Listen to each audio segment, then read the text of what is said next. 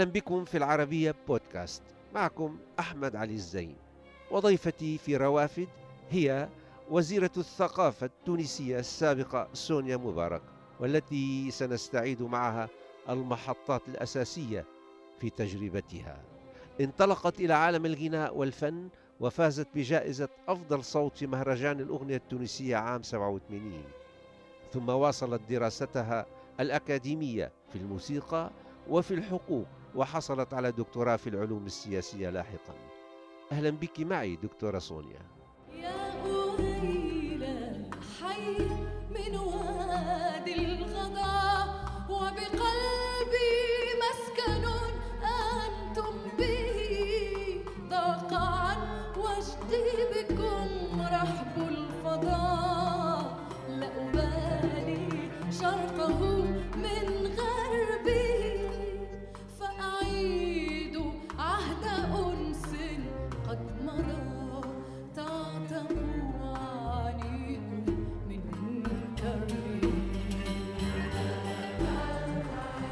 في ربيع عام 2017 التقيت في هذه المدينة تونس بهذه السيدة وزيرة الثقافة سابقا الموسيقية والحقوقية سونيا مبارك. حدثتنا آنذاك ونخبة من مثقفي البلاد عن ثورة تونس في إطار رباعية روافد كلام ما بعد الثورة. وكان الكلام آنذاك عن العوامل التي حمت تجربة تونس من السقوط في دوامة العنف والخراب وجعلتها تنجو وتحقق أهدافها. وذلك على عكس ما حدث في بعض المحيط العربي الذي أصيب بداية بعدوى ثورة الياسمين لكنه للأسف لم ينجو من فخاخ ذهبت بالثورة وبأحلام الشباب وتحول تحول الربيع إلى جحيم ومأساة ما زالت فصولها الدموية تتوالى منذ ما يقارب الثمان سنوات. وبدون شك كان للمرأة التونسية الدور الأساسي والفعال في صيانة ثورتها وحمايتها من الانزلاق في مهاوي العنف والدم وذلك نتيجة لحضورها ولدورها التاريخي ولمشاركتها ميدانيا في ساحات الاحتجاج وفي المنابر والمؤسسات.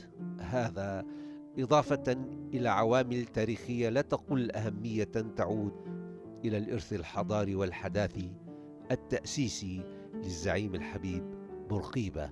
هذا الإرث الذي شكل بدوره حصانة للبلاد من الانزلاق في دورات العنف.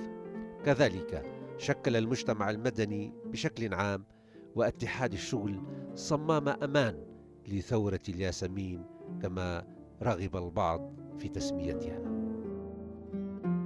اذا في رباعية تونس كلام ما بعد الثورة تعرفنا يومها على مواقف وقراءة سونيا مبارك للتجربة التونسية. في هذا الجزء الآن من روافد سنتعرف على سيرة هذه السيدة وزيرة للثقافة مرة ومديرة لمهرجانات قرطاج لأكثر من مرة سونيا مبارك هي موسيقية ومغنية وحقوقية وكما هو جلي في أعمالها الغنائية تبدو منحازة لقيم المعرفة فلم تذهب إلى الاستسهال والمجانية والسعي إلى الشهرة على حساب ما هو جمالي ومعرفي. وبدون شك لهذا الانحياز أثمان وأكلاف كما يقال وبالتالي له أهداف تأتي في سياق مشروع إبداعي وثقافي. أمان أمان أمان أمان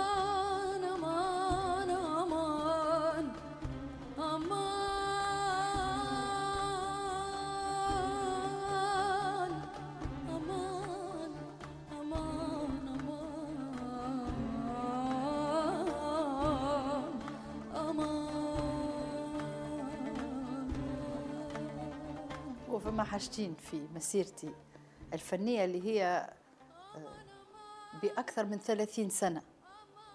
طويلة لأني بدأت عمري تسعة سنوات على شاشة التلفزيون نغني لكن لم يكن هدف المسرح البلدي.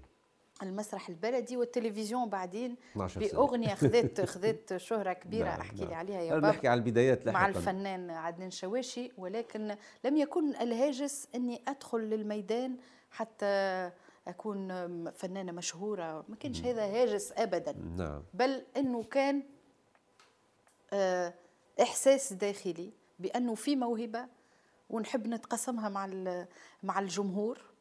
نحب نتقاسمها اولا هو تعبير لأنه الفن والغناء وسيلة للتعبير. كانت طريقتي في التعبير. ولما أكون على الركح نحس إنه آه، أعلى مراتب الحرية. الله. يمتاز بها الفنان المطرب لأنه ما فيش ولا قيد. يحلق. يحلق. فهذا اللي خلاني أعتنق. لم أمتهن يعني مهنة الغناء. بمعنى إنه بقيت دائما كملت دراستي الأكاديمية وندرس بالجامعة إلى آخره. وفي نفس الوقت عندي طريقي في الفن بالمراكز الثقافية بالمسارح الكبيرة بالأمم المتحدة Vil du karme?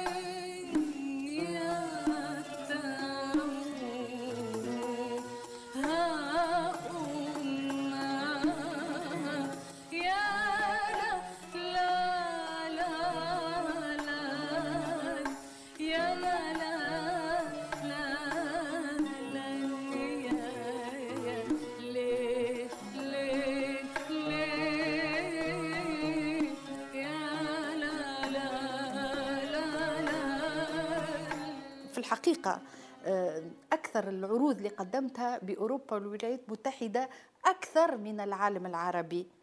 لماذا؟ لأنه الخط اللي اخترته أنا اخترت أنه يكون الفن هذا وسيلة للسلام وسيلة للتحاور وسيلة للتفكير.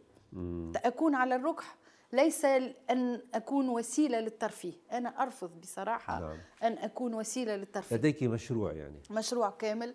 اشتغلت عليه واشتغلت بكثير من ال- المشاريع منها رحلة في المتوسط وهي تتحدث عن آه، الموسيقى المتوسطية أو الموسيقات المتوسطية واخترنا أن نتطرق للشعراء المتوسط. اخترتهم مثل نزار قباني مثل جاك بريفير مثل أبو القاسم الشابي ومنور سمادح من تونس مثل نظيم حكمت اللي غنيت له التركي. غنيت له. وفيدريكو غارثيا لوركا. اللي هو نفسه فيدريكو غارثيا لوركا خصصت له عرض كامل باللغة العربية لطرح هذه العلاقة ما بين وجهتي نظر لوركا ورؤيته لل كيف يكتب وعلاقة بالموسيقى الأندلسية وكان وكان شعور رهيب. نعم. لأنه تلاقينا في نهاية الأمر. نعم. ولو بصفة يعني آه، آه، مجازية، يعني مجازية, مجازية، نعم. لم نلتقي فعلا. افتراضية. فافتراضية بغرناط نهرا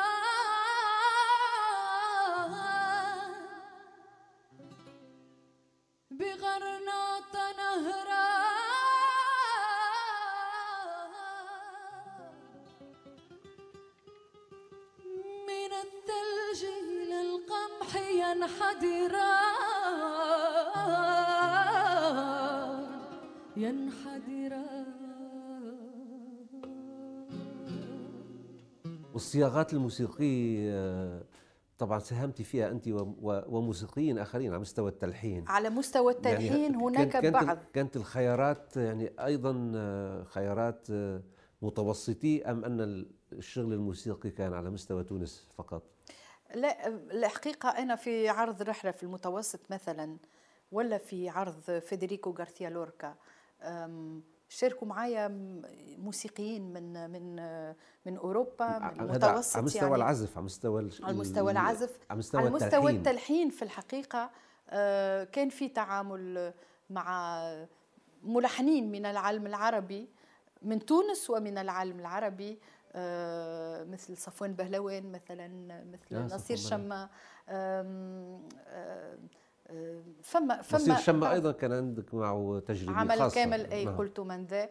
ف فما تجارب متعددة. نعم ولكن نعم. التركيز على اختيار الكلمة. النص والأساس النص. أنا نعم. غنيت آه، نص للميعة عباس عمارة.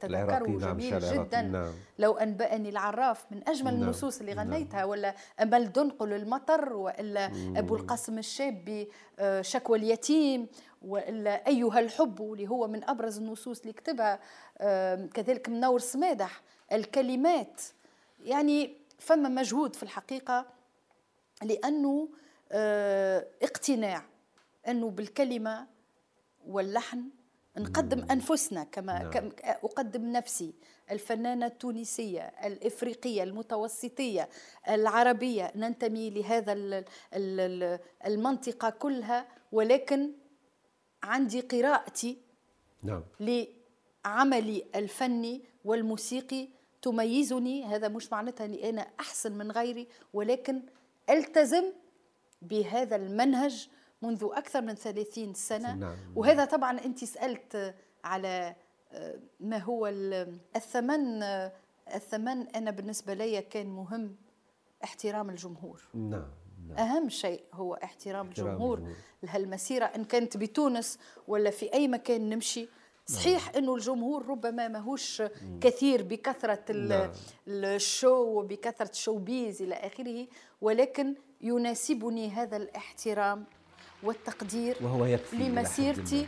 وهذا ما يخليني آم، أواصل من الواضح أن هناك مسارا قطعته سونيا مبارك تشكلت خلاله ملامح مشروع فني وثقافي نما تدريجيا في سياق التجربة والاختبارات الموسيقية والشعرية وبدون شك هذا الانحياز لما هو ثقافي ومعرفي لم يكن هينا في زمن اختلطت فيه المعايير لذا لابد من تصور ما واحتضان لهذه التجربة كي تتواصل وتستمر بمعاييرها العالية.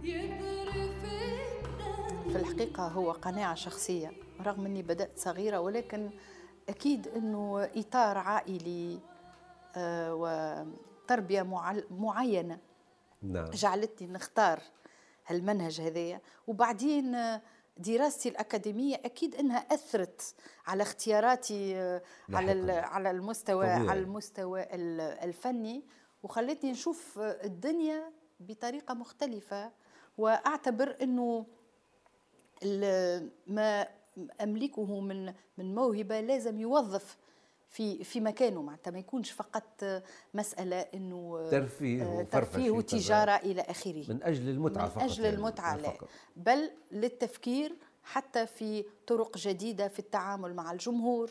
ماذا نقترح عن الجمهور؟ يعني كل إطلالة لابد أن نخليه يفكر ال- الجمهور في في ما هذا القصيد اللي غنيته. فهذه هذه هي الهواجس صحيح. هواجسي هذه هي. مم. ليست هاجس إنه الشهرة آه، فقط الشهرة والانتشار وال- والانتشار والمال وال... نعم. ليس هذا.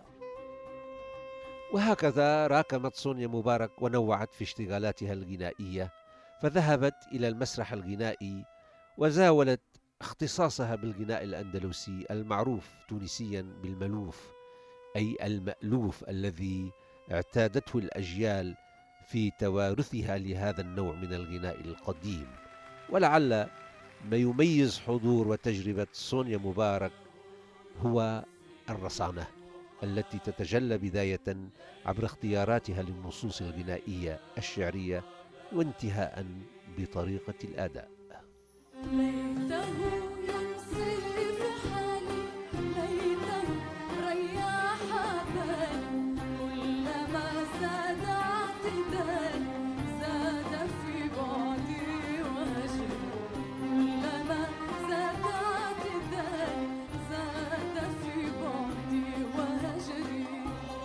ما, ال- ما الذي جعلك هذا الحرص على على الاهتمام بهذا التراث؟ يعني.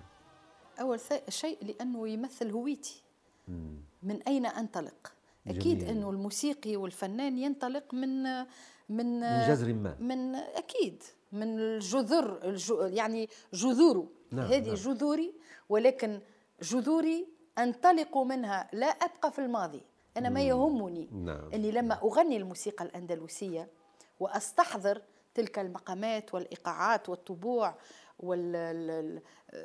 والنوبات أن أقدمها بطريقتي وأن تكون وأن نلحن موشحات على هذا النمط ولكن موشحات جديدة. نعم. وهذا ما فعلت في مسيرتي. نعم، نعم. يعني بدأت بال... بالتراث ولكن انطلقت منه. نعم استعنت بهذا القالب.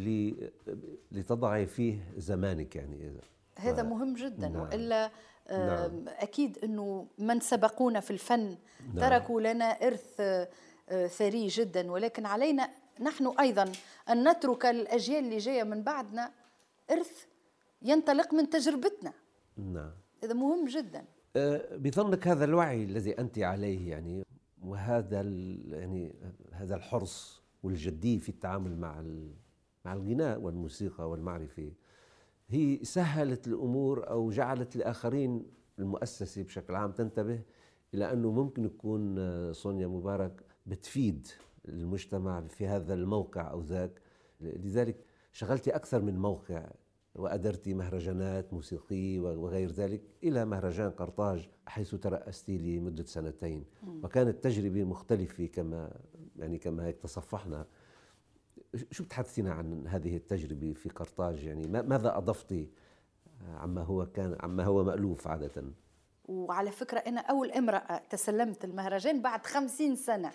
في 14 هذه من نتائج 2014 هذه من يعني. من من ثمار الثورة. آه، يعني شوف بالنسبة لي مهرجان قرطاج عنده هو مهرجان عريق.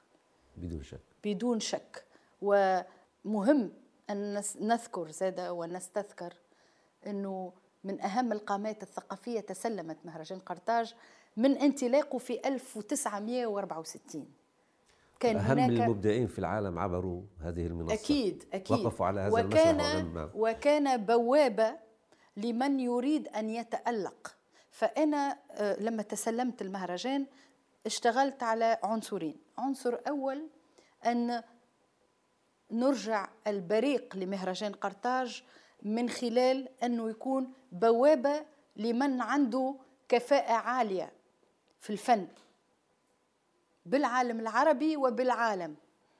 يعني أن يكون محترف بالمعنى الصحيح لأنه اليوم تعرف اختلط الحبل بالنابل وكل نعم. إنسان أصبح يسمى بالفنان إلى آخره. فرجعنا ب يعني مقاييس موضوعية الناس اللي تستحق أن تكون على ركح مسرح قرطاج اللي هو آه، هذا المسرح يرمز إلى تاريخ تونس. يعني مسرح الأثري بقرطاج هو تاريخ تونس القديم والمعاصر. نعم. وبالتالي اشتغلت على هذا العنصر اولا.